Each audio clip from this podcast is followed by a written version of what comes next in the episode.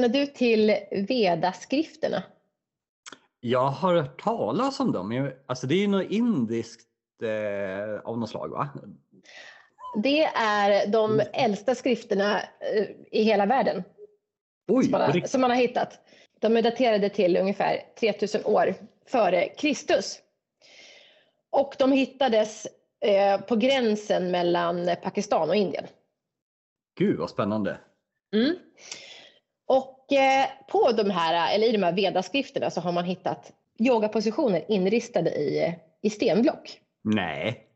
Alltså, Medan vi sprang omkring här uppe i Norden med långt skägg och hår under armarna och försökte göra upp eld så var de välutvecklade yoga eh, ja, sätter lite perspektiv på saker och ting. Ja. Nej, men precis, alltså, det var ju ungefär då som människan började bruka mark. Kan man säga. Det var den yngre sten, eh, stenåldern.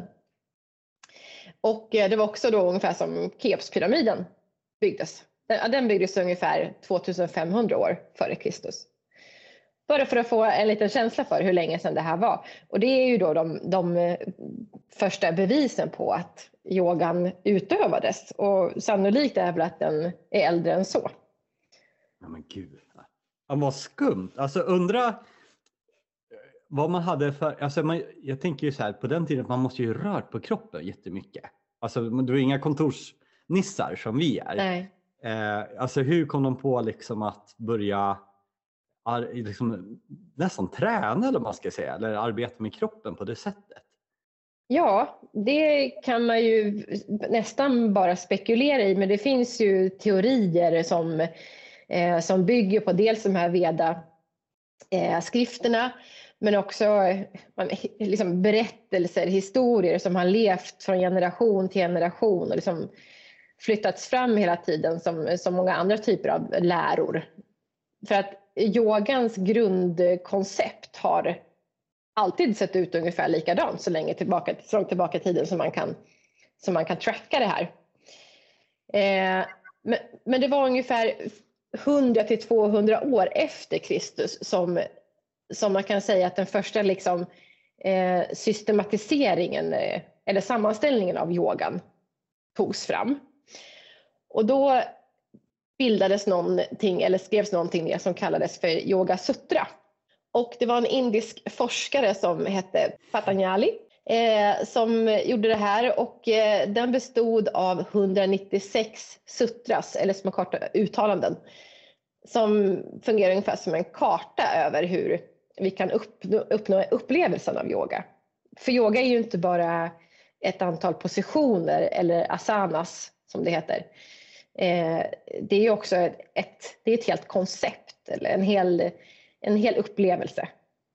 Ja, alltså det är väl jag som vet alldeles för lite om det här. Alltså jag har fått för mig att det är ju någonting meditativt också i mm. yogan. Ja, men precis.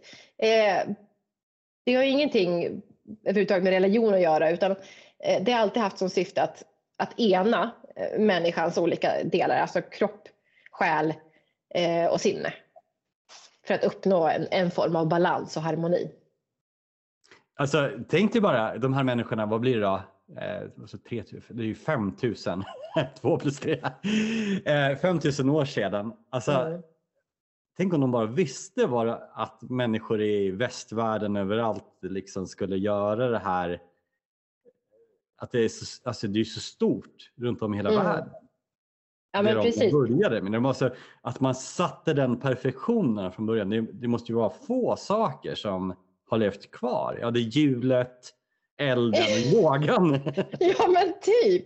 Alltså nu vill man ju inte racka ner på andra träningsformer, men jag menar, det har ju kommit och gått en hel del sådana här eh, typer av olika träningsformer som människorna har hoppat på, trender hit och dit och det är, ja, ja men du vet, allt möjligt. Ja, Men yogan, jag... den har ja. bestått. Aerobics, den var ju så poppis i 15 år känns det som. Ja. Ja. blev det inte... Kul att du säger just det. Jag har varit aerobicsinstruktör en gång i tiden. Ja, men eh, ja, nej men eh, och den har liksom hela tiden omformats. Många av de olika träningsformerna. Men yogan, eh, och det är likadant med yogan, den är ju på vissa sätt anpassad för ett västerländskt sätt att träna. Men jag måste säga att den har kvar mycket, till stor del har den kvar det mesta av grundkonceptet. Sen har det ju kommit getyoga och det har kommit liksom olika ja, typer av sådana här bastuyoga och allt möjligt. Alltså de här, det finns ju så många stilar eller som har namn. Alltså dels de här, jag har ju, jag har ju själv gått på något som heter ashtanga ja. det heter, yoga som var väldigt mycket rörelse. Ja. Och så finns det ju de här moderna mm. som du sa, getyoga och så vidare.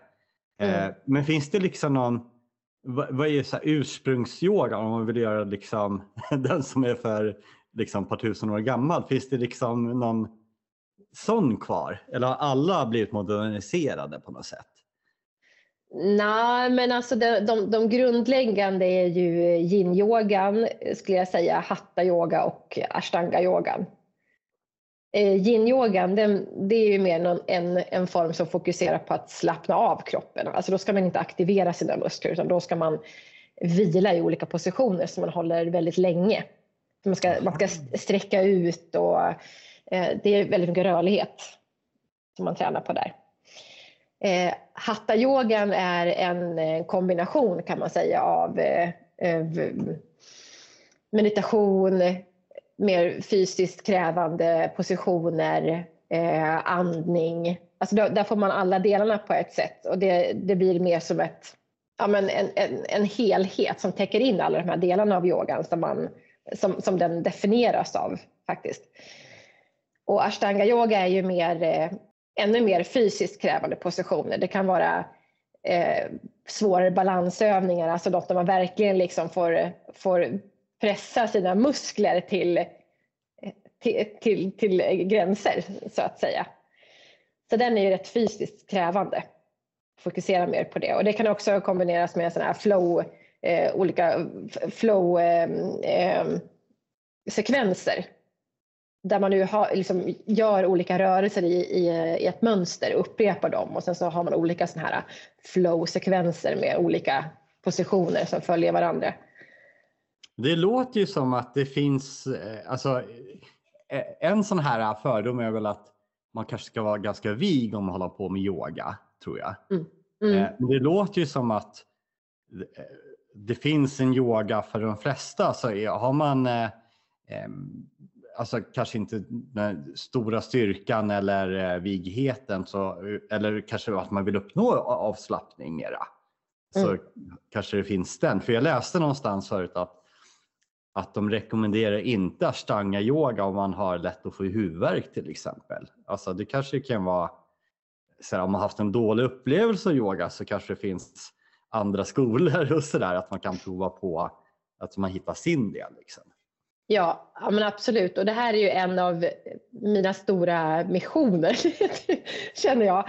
Alltså jag, jag har ju själv utövat yoga i några år nu och nu är jag precis, nu ska jag precis börja bli, jag håller på att utbilda mig till yogainstruktör just nu. Woo! Och eh, det gör jag ju för att jag verkligen är väldigt passionerad när det kommer till yogan. För att det har revolutionerat min syn på dels vad yoga är och träning överlag. För att det gjorde att jag fick en helt annan glädje till, till träningen.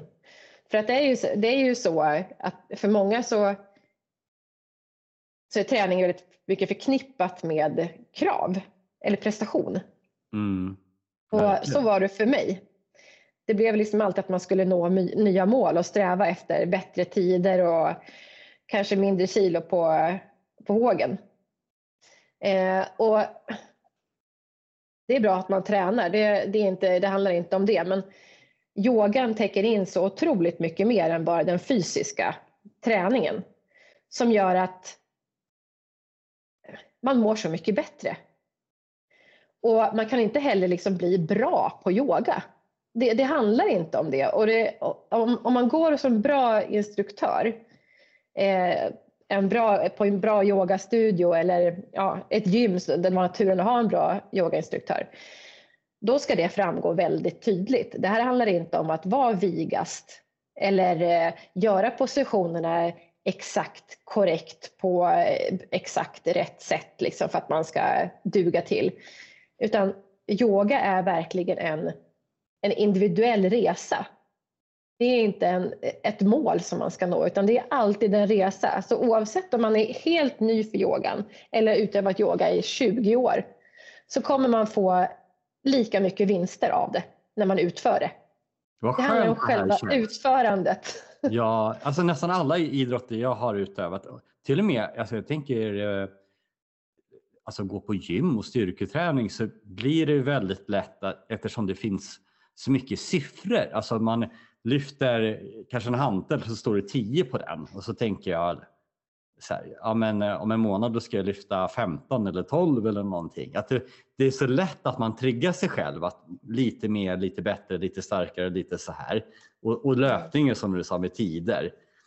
Eh, jag försöker ju liksom slappna av när jag, när jag springer kanske och liksom bara att det ska vara skönt. Men det är klart, jag vill ju springa lite snabbare. Men just yogan Mm. verkar ju vara mer avslappnat på det sättet att alltså det finns liksom ingenting att mäta med på det sättet.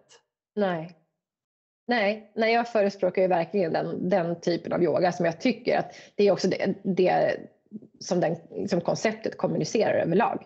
Och dessutom när man eh, gör ett bra yogapass så är det alltid inkluderat på slutet en, en eh, fem, tio minuter beroende på hur långt hela passet är. Där man tillåts att slappna av och landa i, i sin kropp. Vilket medför att när man har avslutat sitt yogapass då är man på en sån bra plats. Man, alltså, även om man inte har, ja vad ska man säga, om man, om man känner att nej men jag kände mig inte så stark idag. Man kanske har en intention, en intention i början av passet att jag ska verkligen försöka att eh, tänka på andningen under det här passet. Och så har man inte riktigt lyckats med det säger vi. Ja, men då har man en period på slutet av, av eh, eh, passet där man tillåts att reflektera över och vara snäll mot sig själv. Ah, Och bara, vara, och bara vara medveten i sin egen kropp och tillåta sig själv att det är helt okej.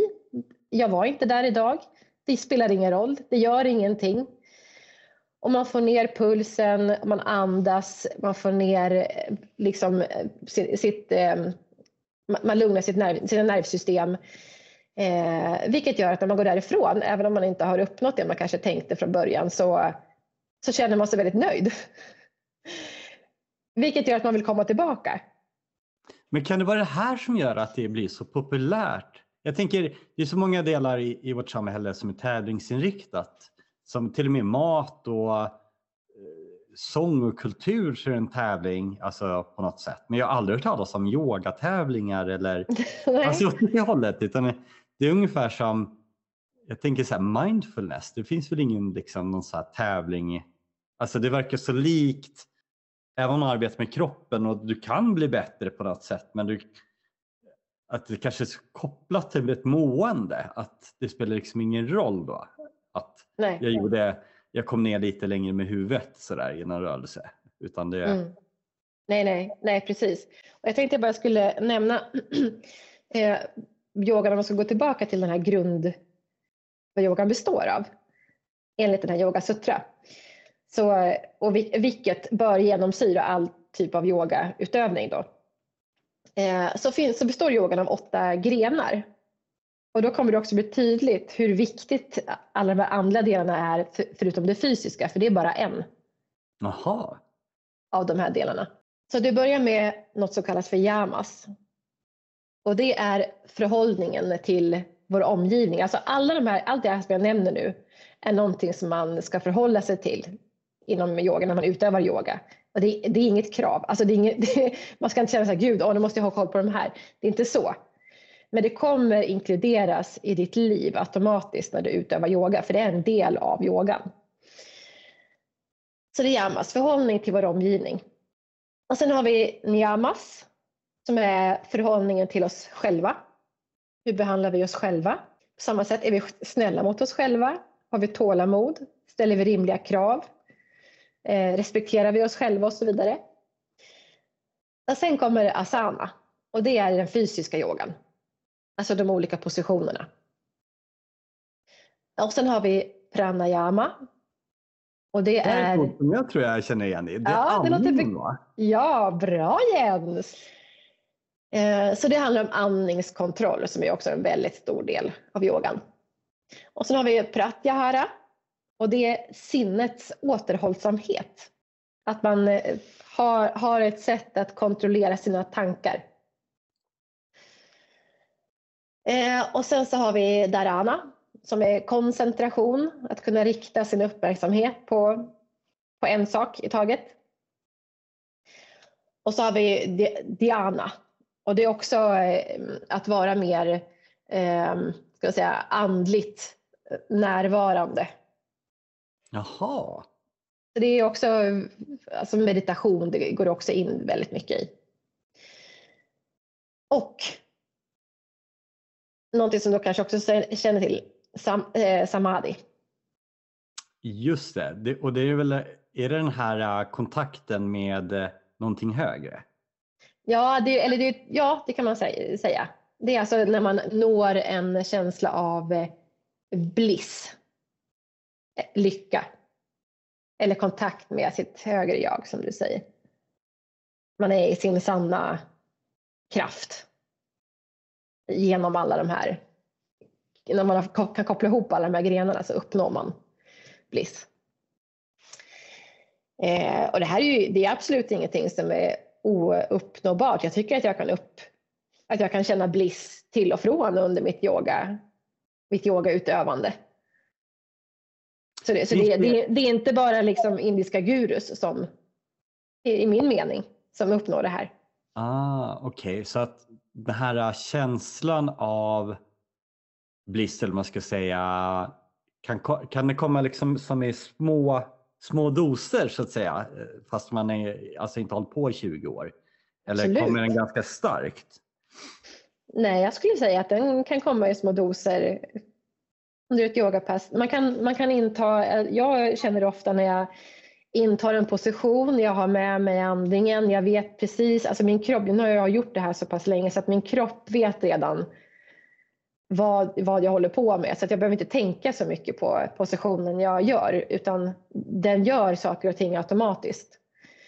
Och när jag samtidigt har andningen och känner att allting går liksom i, i takt och jag är helt närvarande i min kropp och med det jag gör i andningen och allting så, Alltså, så och man, man är i den här positionen som kanske kan vara, vad ska vi säga, bergets position. Det är en väldigt enkel position när man står liksom med båda fötterna grundade i marken och sen så rullar man långsamt upp kota för kota och sträcker på hela kroppen och tar handflatorna framåt, armarna rakt ner, axlarna bak, sträcker på ryggen och så är man bara, känner man sig bara otroligt stark och drar upp så energi från jorden och känner hur det bara flödar energi upp genom hela kroppen ända upp till hjässan.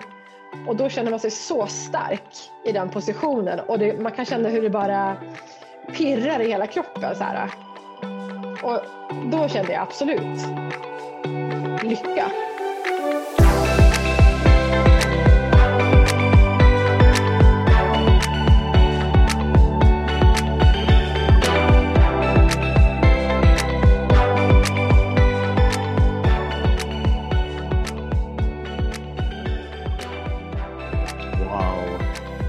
Du säljer in den här till mig ganska hårt nu.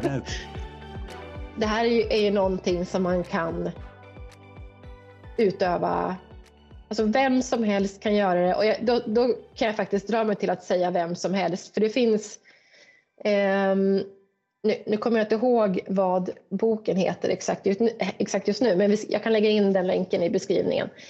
Eh, och det är i alla fall en kvinna som skriver den och hon beskriver hur hon hade en klient, eller vad man ska kalla det, som eh, blev rullstolsbunden.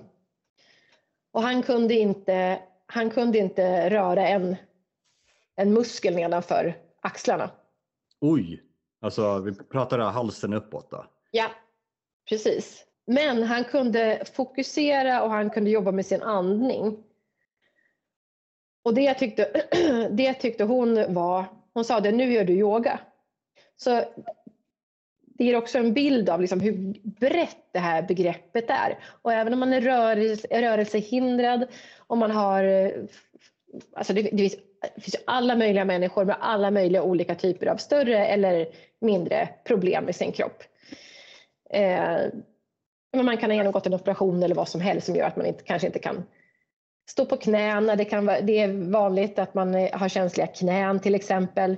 Eh, man kanske har, eh, tycker att det är väldigt jobbigt att lägga press på sina handleder som det är en del. Ja, men det finns alla möjligheter att, att göra andra typer av positioner. Det är bara en så liten del av vad yogan är.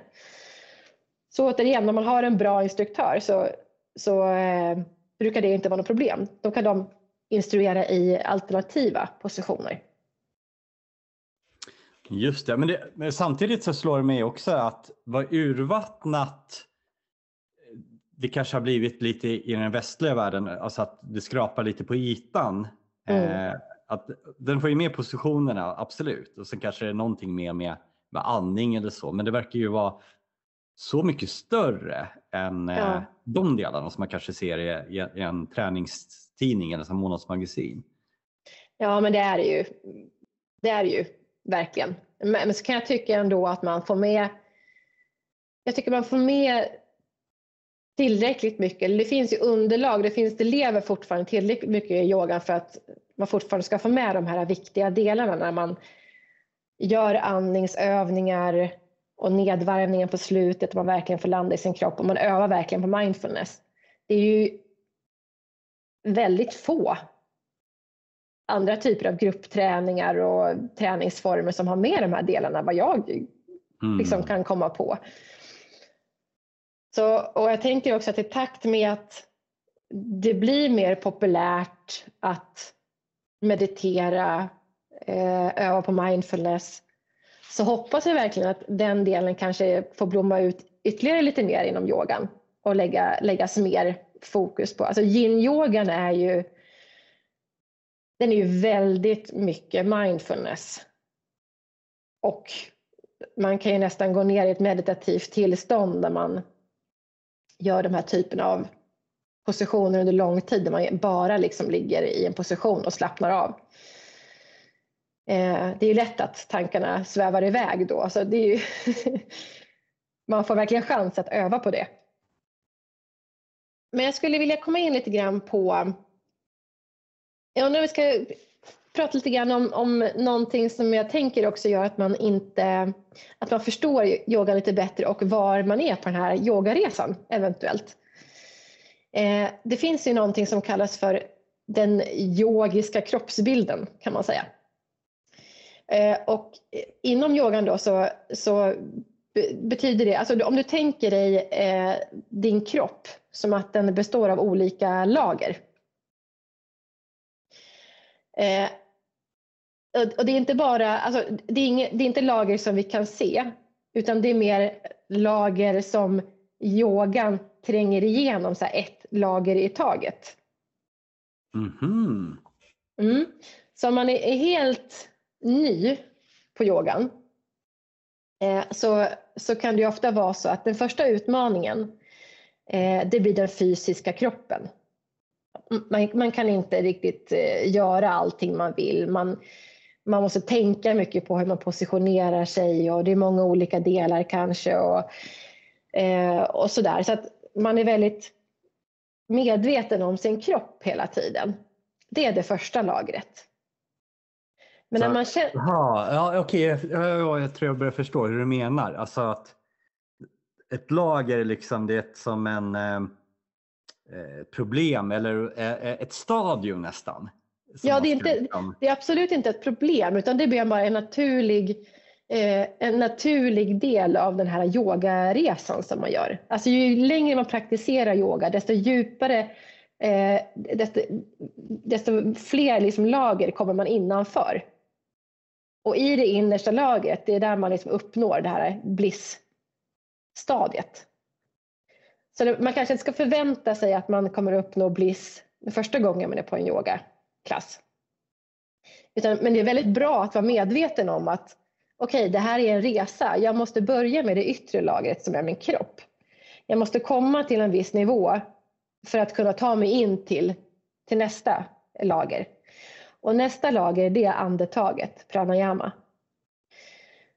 Så att när, när man är, är på yogaklasser då får man ju ofta liksom väldigt, många, väldigt mycket olika instruktioner. Du ska, ha, du ska göra det så här med din kropp. Du ska tänka på det här, dra in magen och så ska du andas samtidigt. Andas in, andas ut och så ner med knät. Och så, det är jättesvårt att göra allt det här samtidigt. Och det är ja. ingenting som, som man, man liksom, det är inte, inte möjligt att kunna göra allt det här automatiskt eh, samtidigt i början. Dessutom är ju spegelvänd mot läraren och det är liksom höger och vänster. Och... Ja, exakt. Ja, men bara det, att tänka på vänta, vad är höger och vänster ja. nu? Så att det är ju helt, helt naturligt eh, och det, så är det för alla, verkligen. Men när man har lite tålamod så kommer man börja märka att först kommer kroppen börja ge med sig. Alltså man börjar lära sig de olika positionerna. Man börjar automatiskt ställa in sin kropp på olika sätt för man vet hur positionen ska hållas. Det handlar ju väldigt mycket om att man ska ha en, en core-styrka. Alltså att vara, eh, vad ska man säga, alltså, spänna magen lite grann, känna liksom att kroppen håller ihop.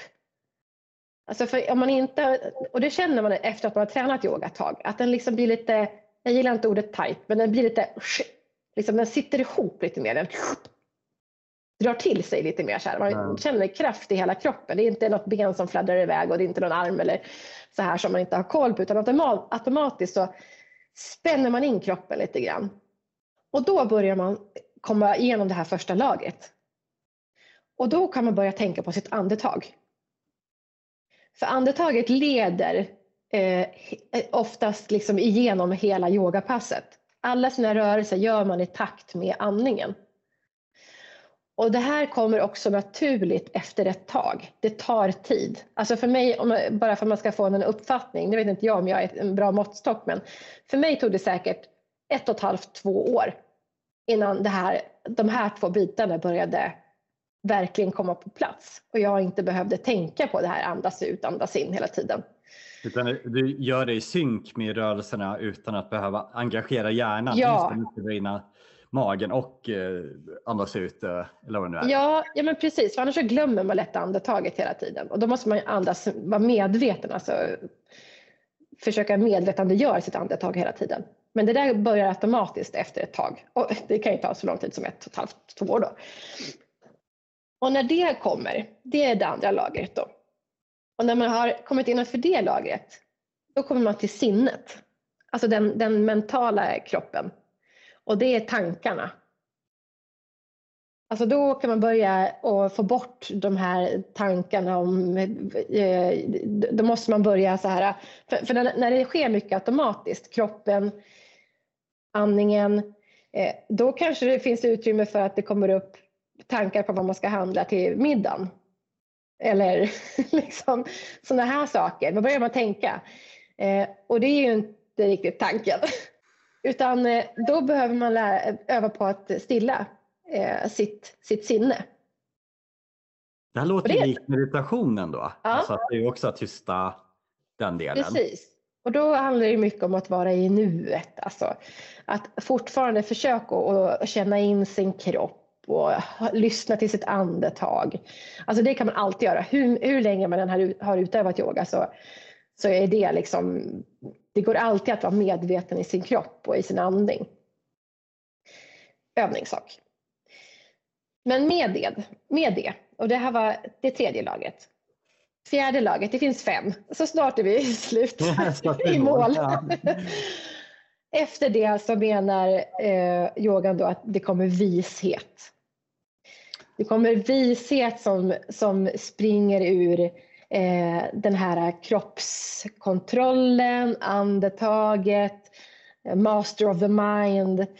Alltså då, då börjar man verkligen uppnå harmoni, vilket resulterar i vishet.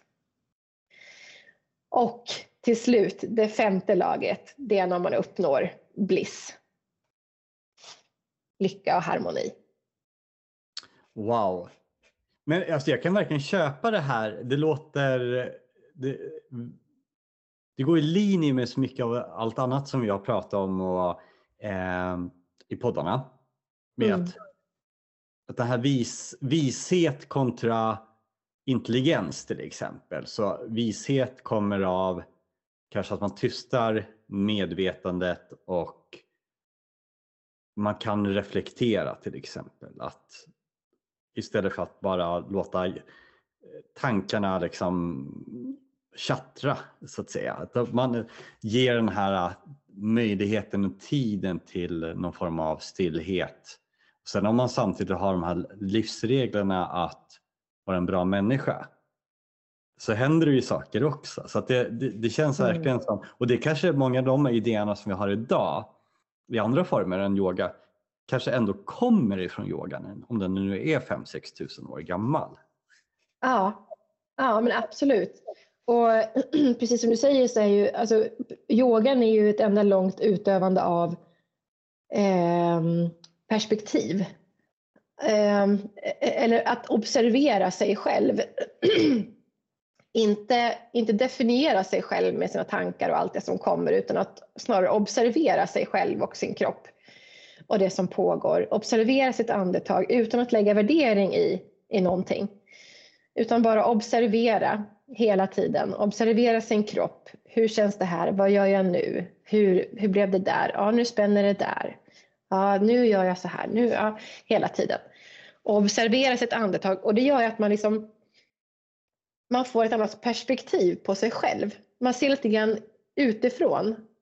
Och det gäller ju inte minst sina tankar då. Att jag älskar den här metaforen att tankarna är som att man står bredvid en, en bilväg och tankarna är bilar som åker förbi. Just det, man hänger inte med och Nej. åker in i bilen utan de liksom passerar förbi på något sätt. Precis, om varje bil representerar en tanke eh, så kan man bara observera att den kommer och sen får den åka vidare. Jaha okej, okay, det var den där tanken om vad jag skulle handla till middagen eller jaha, där kom den där tanken om eh, problemen jag har med min eh, man eller vad det nu kan vara för någonting. Och så bara, ja, den, den kommer och den går. Jag låter den bara, ja, ja okej, okay, där kom du, hej hej, hej då. Eh, och det här är också en övningssak, absolut inte lätt. Men det kommer med övning. Man behöver ha tålamod och öva. Och det är värt det. Alltså det är värt det alla gånger. För man, alltså det, det spiller över på så många delar av sitt liv. Så att det är absolut värt det. Eh, man kommer känna sig mycket mer harmonisk som, harmonisk som människa. Jag hade verkligen den frågan. Jag tänkte så här medan du pratade. Eh, vad har du märkt för förändringar i dig som du tror du kan liksom dra ifrån yogan? Jag har för det första så har jag hittat glädje till rörelse. Eh, glädje och uppskattning av min egen kropp. Eh, vilket det är verkligen någonting jag vill förmedla till alla, men som kvinna kanske framför allt till kvinnor. Eh, jag är ju 40 plus. Jag är i den åldern att man inte kan ta sin kropp för givet lika mycket längre. Eh, och jag vet att det är många som inte tränar. Eh, man, man orkar inte, man eh, har mycket annat i livet. Eh, men yogan är lätt att utöva. Man kan göra det hemma i sitt vardagsrum. Och det är så himla värt det och det ger mycket, mycket större utdelning än vad man kan tro. För det är inte jobbigt om man inte gör det väldigt jobbigt. Vilket gör att det känns roligt. Och efter en månad så kommer du märka att du är så mycket starkare i din kropp. Har bättre kroppskontroll och ja, men som jag sa, känner dig mer Alltså, slimmad. Kroppen, ja. ja. Alltså, jag, jag kommer ju lite grann från, jag styrketränade ju en del på gym och sen, alltså jag har ju yogat i omgångar men efter jag höll på med styrketräning och så började jag med yoga lite grann och då tyckte jag men det här är ju liksom inte som en, då hade jag ju fel in, liksom ingångs eh, vinkel eller vad man ska säga för att ja, men det här var ju inte alls så jobbigt eller det gav inte så mycket. Men jag tror att när man gör en eh, yogaposition, om vi bara tänker på kroppen, en rörelse, mm. så märker jag när man gör den mera rätt hur mycket tyngre, eller man ska säga hur mycket mer kroppen får arbeta mot när man gör den på ett ungefär. Det är som mm. att ja, men det, här var, det här var inte så mycket, men när man verkligen gör det med 100% medveten och har andningen med, alltså gud vad kroppen får arbeta. Man får liksom verkligen, det känns som man kan utvecklas massor ja. i kroppen just med core och vad det nu kan vara. Ja, och det är också verkligen en myt som jag vill slå hål på eh, en gång för alla, att yoga är inte svårt. Eller yoga behöver absolut inte vara svårt. Det, det är inte så att en, ett, ett bra yogapass liksom består av att man ska stå på huvudet och gå ner i spagat. Absolut inte. Det kan vara jättejobbigt att stå på alla fyra i en yogaposition när man spänner armarna, skjuter ifrån med axlarna, spänner sin mage, liksom trycker fotryggen ner mot mattan. Det kan vara väldigt ansträngande att stå bara på alla fyra om man, gör, om man är medveten i sin kropp och håller den här spänningen. Det finns massor med inom citationstecken enkla positioner som är väldigt ansträngande. Eller som bygger muskler. Liksom. Eh, och man, behöver inte, man behöver inte stå speciellt länge heller. Alltså det finns ju stor variation i olika yogapass. Det blir inte tråkigt. Men man kan också välja att ha få, få eh, positioner som man håller länge eller bara alternerar mellan. Så det finns ju väldigt mycket variation. Man kan ju, om, man, om man vill göra egna pass så, där, så kan vi verkligen anpassa det efter vad man själv känner sig bekväm med. Annars finns det en, helt, en hel uppsjö med, med youtubers som gör yogapass och där vill jag ju verkligen, igen som jag sagt tusentals gånger nu känns det som, eh, göra reklam för Yoga with Adrian. Ja, hon är så underbar. Vår Adrian, det är som en husgud när det gäller yoga.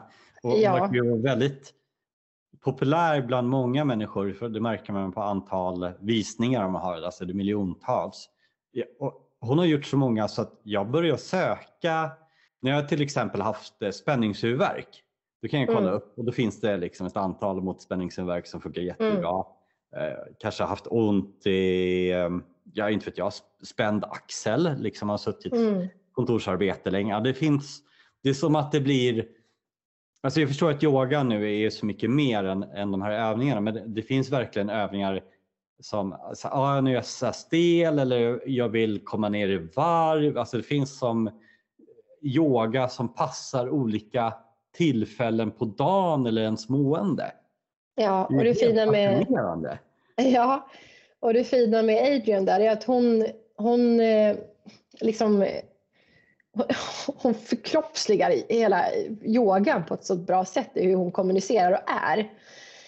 Så att hon får också med alla de här bitarna. Alltså hon är väldigt, det är väldigt kravlöst, hon är väldigt tillåtande, hon berättar alltid om olika variationer och hon bakar in det här med sinnet och eh, hela tiden vara snäll mot dig själv och tacka dig själv och, och så. Vilket man kan tycka är så här, men gud vad töntigt. Men eh, det fastnar till slut och det är jätteviktigt. Varför tror du att det är så få män som gör yoga kontra kvinnor? För yogan börjar väl, tror jag, med väldigt mycket yogis, alltså män, en gång i tiden. Ja, ja men eh, skulle kunna tänka mig att man tycker att det är lite tråkigt, lite långsamt kanske. Eh, man kanske har en fördom om att det inte är tillräckligt utmanande. Eh, om jag själv ska komma och dras med lite, lite, lite fördomar så så är det väl kanske det, att man kanske vill ha mer hårda tag eller lite, ja. Ja, man kanske inte känner att man bygger eh, stora armar eller något sånt här. Alltså att ja. det är det man är ute För jag har själv funderat på det där med att Ja, alltså, jag tycker att fler skulle göra yoga eh, just för att, som du sa också, när, när man kommer upp i alltså, åldrarna så finns det bara mer och mer nytta. Så ren styrketräning kan ju, det är ju härligt alltså att styrketräna och kanske verkligen få ut massa saker så här att stress och grejer. Men eh, det är också lätt att få skador och det känns som mm. yogan är liksom precis tvärtom. Om man har en ska, skada så kan man genom att vara lite mer försiktig och kroppsmedveten. Nu har jag liksom ont i ett knä till exempel. Eh, det skulle vara jättesvårt att hantera på ett gym tror jag, om man ska göra benövningar. Mm. Men i yogan då kan man liksom, och nu kan jag verkligen fokusera på att vara mjuk i ena knät och liksom arbeta runt det på något sätt.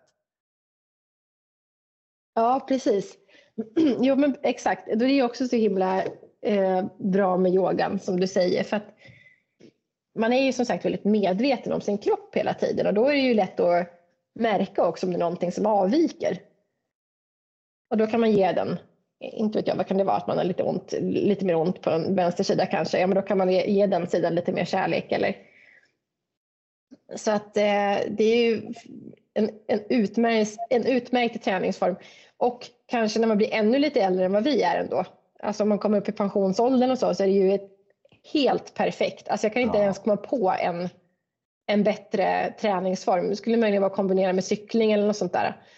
Det, det, det bygger ju muskler, det ökar rörlighet eh, och det gör en väldigt kroppsmedveten. Så den, den är verkligen så himla nyttig och bra. Man ser ju också att balans är jätteviktigt för ja. äldre. Jag vet inte vilken ålder man börjar prata med, 55 plus kanske, att det är väldigt viktigt att arbeta med balans. Mm. Eh, för det är en av de här delarna som, som markant kan bli sämre. Eh, och jag har verkligen en vision av eh, om jag är 70 att liksom hålla min kropp mjuk, smidig, mm. funktionell. Och då ja. kanske inte är det bästa att gå på ett gym och göra marklyft. Det är Nej. säkert bra det också men att, att kunna känna sig fullt rörlig, vara medveten i sin kropp. Och jag, jag tycker att nu har jag kombinerat, och du också, klättring med yoga för de har ju ett väldigt fint överlapp. Mm. Att det här nästan känna sig som att det är lite poetiskt att röra kroppen. Att det är kroppens poesi. Att det är så mm. härligt att, att äh, göra en enkel rörelse i vardagen om det är så att förflytta stekpanna. Men att man gör det så närvarande och medvetet och liksom lägga den perfekt tyst ner kanske eller så här istället för liksom bara vara så här yvig och mm. Jag har ju varit lite kanske yvig och gått in i saker och sådär. Eh, och, och, och väldigt, väldigt, tydligt så när vi klättrar liksom hur ofta jag gjorde illa mig och slog upp eh, armar och ben och knän och huvud och så här. Och när jag väl började liksom fokusera lite mera kanske och göra yoga och så här och eh, också kanske arbeta upp det här core med mage, rygg och liksom det som är på kroppen så där. Så jag har liksom knappt gjort illa mig på klättring. Men alltså, Gud, det är helt fascinerande från, från att ha varit en seriefigur till liksom att kunna känna shit, så här, det här är lite sassy att röra sig. Ja, ja men alltså det är, ju, det är ju faktiskt helt underbart och det finns ju ingen bättre känsla än att så här Ja, men vara medveten om sin egen kropp. Ja, verkligen. Varje alltså, man, man älskar den ju så mycket mer. Ja, jag tycker, det, jag tycker den är helt underbar liksom när jag har den här äh, Ja men det är ju också det är en, det är en så himla stor del av mindfulness att, ja. att bara inte vara här och nu men att vara här och nu med kroppen, man får med andningen eh, och sen alltså, om man även kan då stilla tankarna i det här. Mm. Då har man ju vunnit alltså, alla de här som du sa i början då, kropp, sinne och själ. Mm att få den harmonin. Och, ja. och, och, det kan ju vara svårt för man pratar om mindfulness och det blir ju väldigt mycket så ett begrepp att man ska vara här och nu. Men här har man ett så tydligt verktyg eh, där man kan eh, genom de här olika övningarna bli mer närvarande genom att eh, ja, men jag tror så alla, all, allt som har med kropp, position och rörelse det är klart att det blir väldigt, kanske dans också, när man, ska, eller kampsport, man ska tänka ah, jag ska vrida mig lite så, jag ska vrida mm. mig här och mer styrka där.